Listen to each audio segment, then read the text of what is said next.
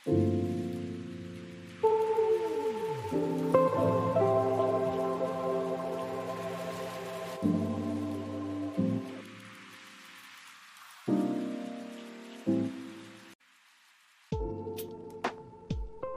kawan Mano, gimana kabarnya hari ini?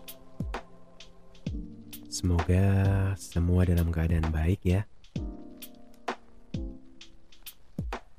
Kalau kita melihat sekarang, zaman udah modern banget.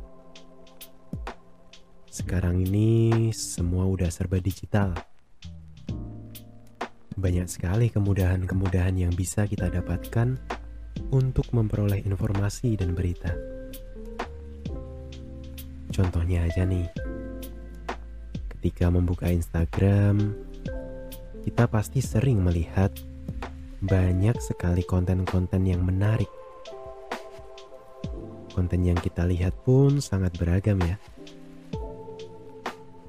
Mulai dari konten joget-joget, kisah 100 juta pertama mereka, foto-foto makanan yang diunggah, dan banyak konten lainnya. Aku jadi penasaran, kalau kamu sendiri lebih suka mengunggah konten apa? Atau mungkin lebih suka mencari konten jenis apa sih?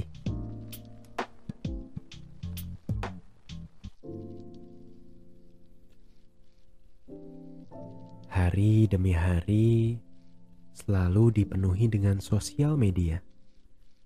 Mulai dari kita bangun pagi sampai mau tidur lagi, rasanya ada yang kurang gak sih kalau kita sehari aja nggak main Instagram atau mungkin cuman sekedar scrolling TikTok lihat konten-konten yang mungkin kadangkala nggak bermanfaat juga buat kita.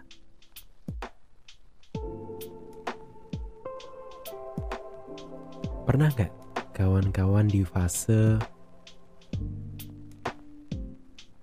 suatu ketika ngerasa takut banget ketinggalan hanya karena kamu gak update konten-konten itu? Gak lihat Instagram seharian, gak scrolling TikTok 2 jam, 3 jam, atau mungkin seharian. Pokoknya kamu gak update konten-konten deh. kamu ngerasa takut ketinggalan hanya karena nggak update soal konten-konten ini. Atau bahkan ngerasa cemas. Karena nggak ikutan bikin konten yang lagi trending topik kalau bahasa kerennya sih FOMO. Atau fears of missing out.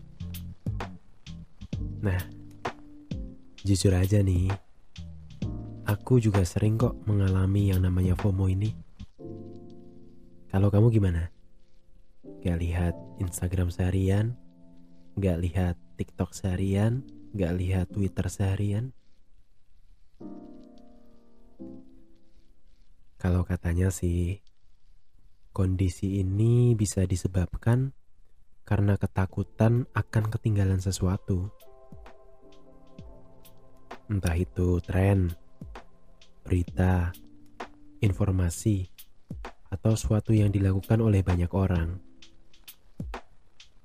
Biasanya nih, karena kita takut kalau dibilang, ah nggak update loh, ah cupu loh. Rasanya kalau bisa jadi orang pertama yang tahu dan ngelakuin yang lagi trending, ada kebanggaan sendiri.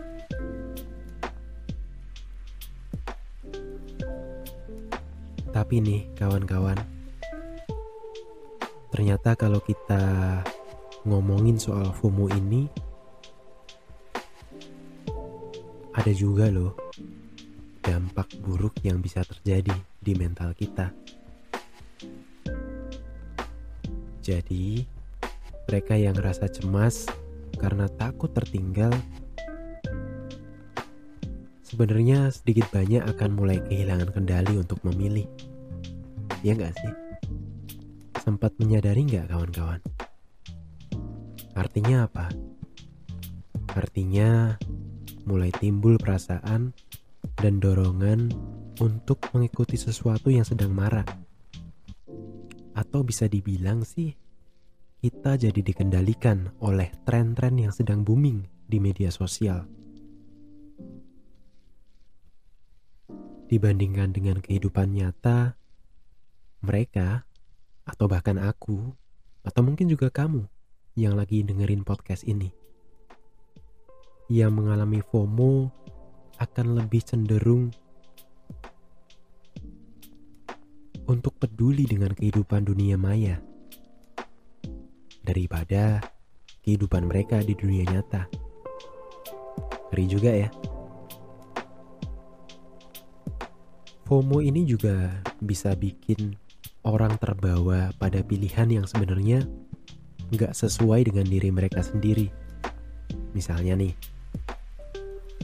mereka akan lebih banyak membeli sesuatu hanya untuk mengikuti tren atau biar kelihatan kekinian daripada mempertimbangkan kebutuhan, mempertimbangkan manfaat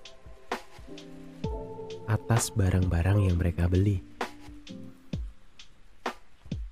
Pada akhirnya kita perlu menyadari kawan-kawan bahwa ada banyak banget tren dan konten yang ada di dunia maya adalah sesuatu hal yang semu. Artinya, proses editing, filter, sering kali membuat tampak sempurna. Seakan hidup orang lain itu nggak ada kekurangannya. Perfect. Untuk hal-hal itu, kita juga perlu nih membangun kesadaran diri. Supaya kita semakin menyadari bahwa nggak semua hal perlu diikuti, bahwa nggak semua hal perlu kita jalani. Jadi kita perlu memilah dan memilih mana yang baik untuk kita, mana yang sebenarnya nggak ada gunanya untuk kita. Mungkin kita memang perlu membatasi diri untuk tidak terlalu sering menggunakan gadget atau membuka media sosial.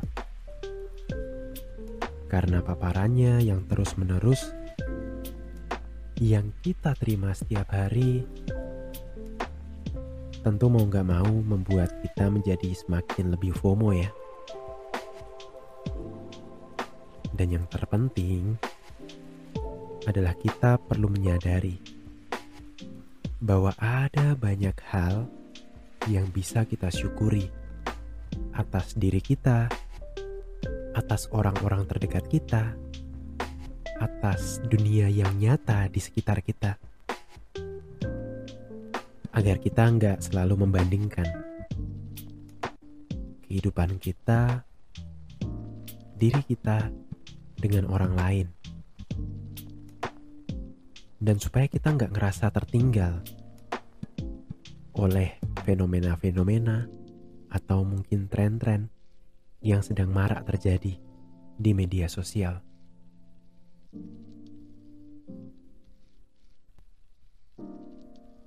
Mungkin itu dulu kawan-kawan yang bisa saya sampaikan kepada kawan Manu nih di episode kali ini. Yang pasti kita semua sebenarnya bisa kok hidup merdeka dengan pilihan-pilihan kita sendiri. Dan yang pasti, selamat berproses ya. Aku pun juga sedang berproses kok. Yuk, kita berproses bersama. Karena setiap manusia punya cerita masing-masing.